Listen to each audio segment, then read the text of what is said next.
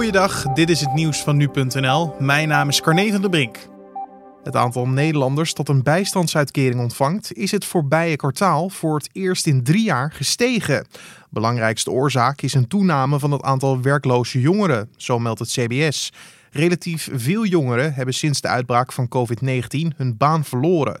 En doordat jongeren nog niet zoveel jaren hebben gewerkt en dus ook weinig WW-rechten hebben opgebouwd, komen ze sneller in de bijstand. Zo legt CBS-econoom Peter Heijn van Mulligen uit. Ook vermoedt hij dat een deel van de jongeren die recent zijn afgestudeerd moeite heeft om aan een baan te komen en daardoor vanuit de studie meteen in de bijstand terechtkomt.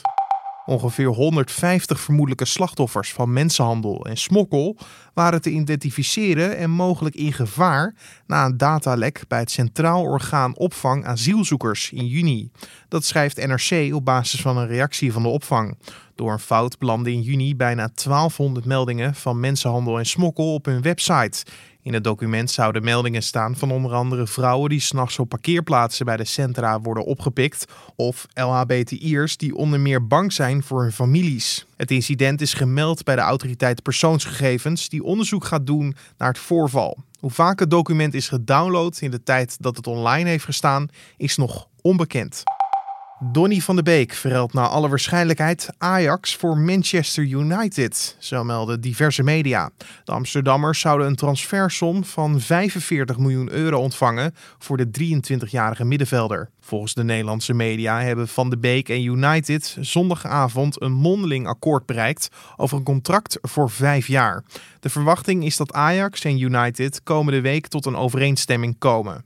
Van de Beek ontbrak zaterdag en zondag al in de selectie van Ajax voor de laatste oefenduels vanwege transferontwikkelingen.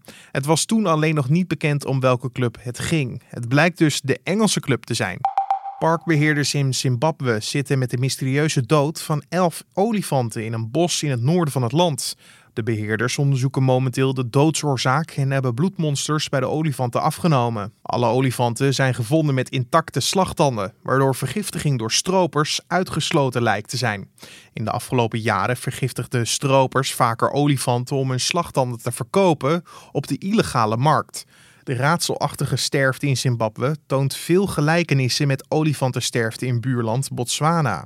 Daar kwamen in juni ruim 350 olifanten om door onbekende redenen. Parkautoriteiten gissen nog altijd naar de doodsoorzaak. En tot zover de nieuwsupdate van nu.nl.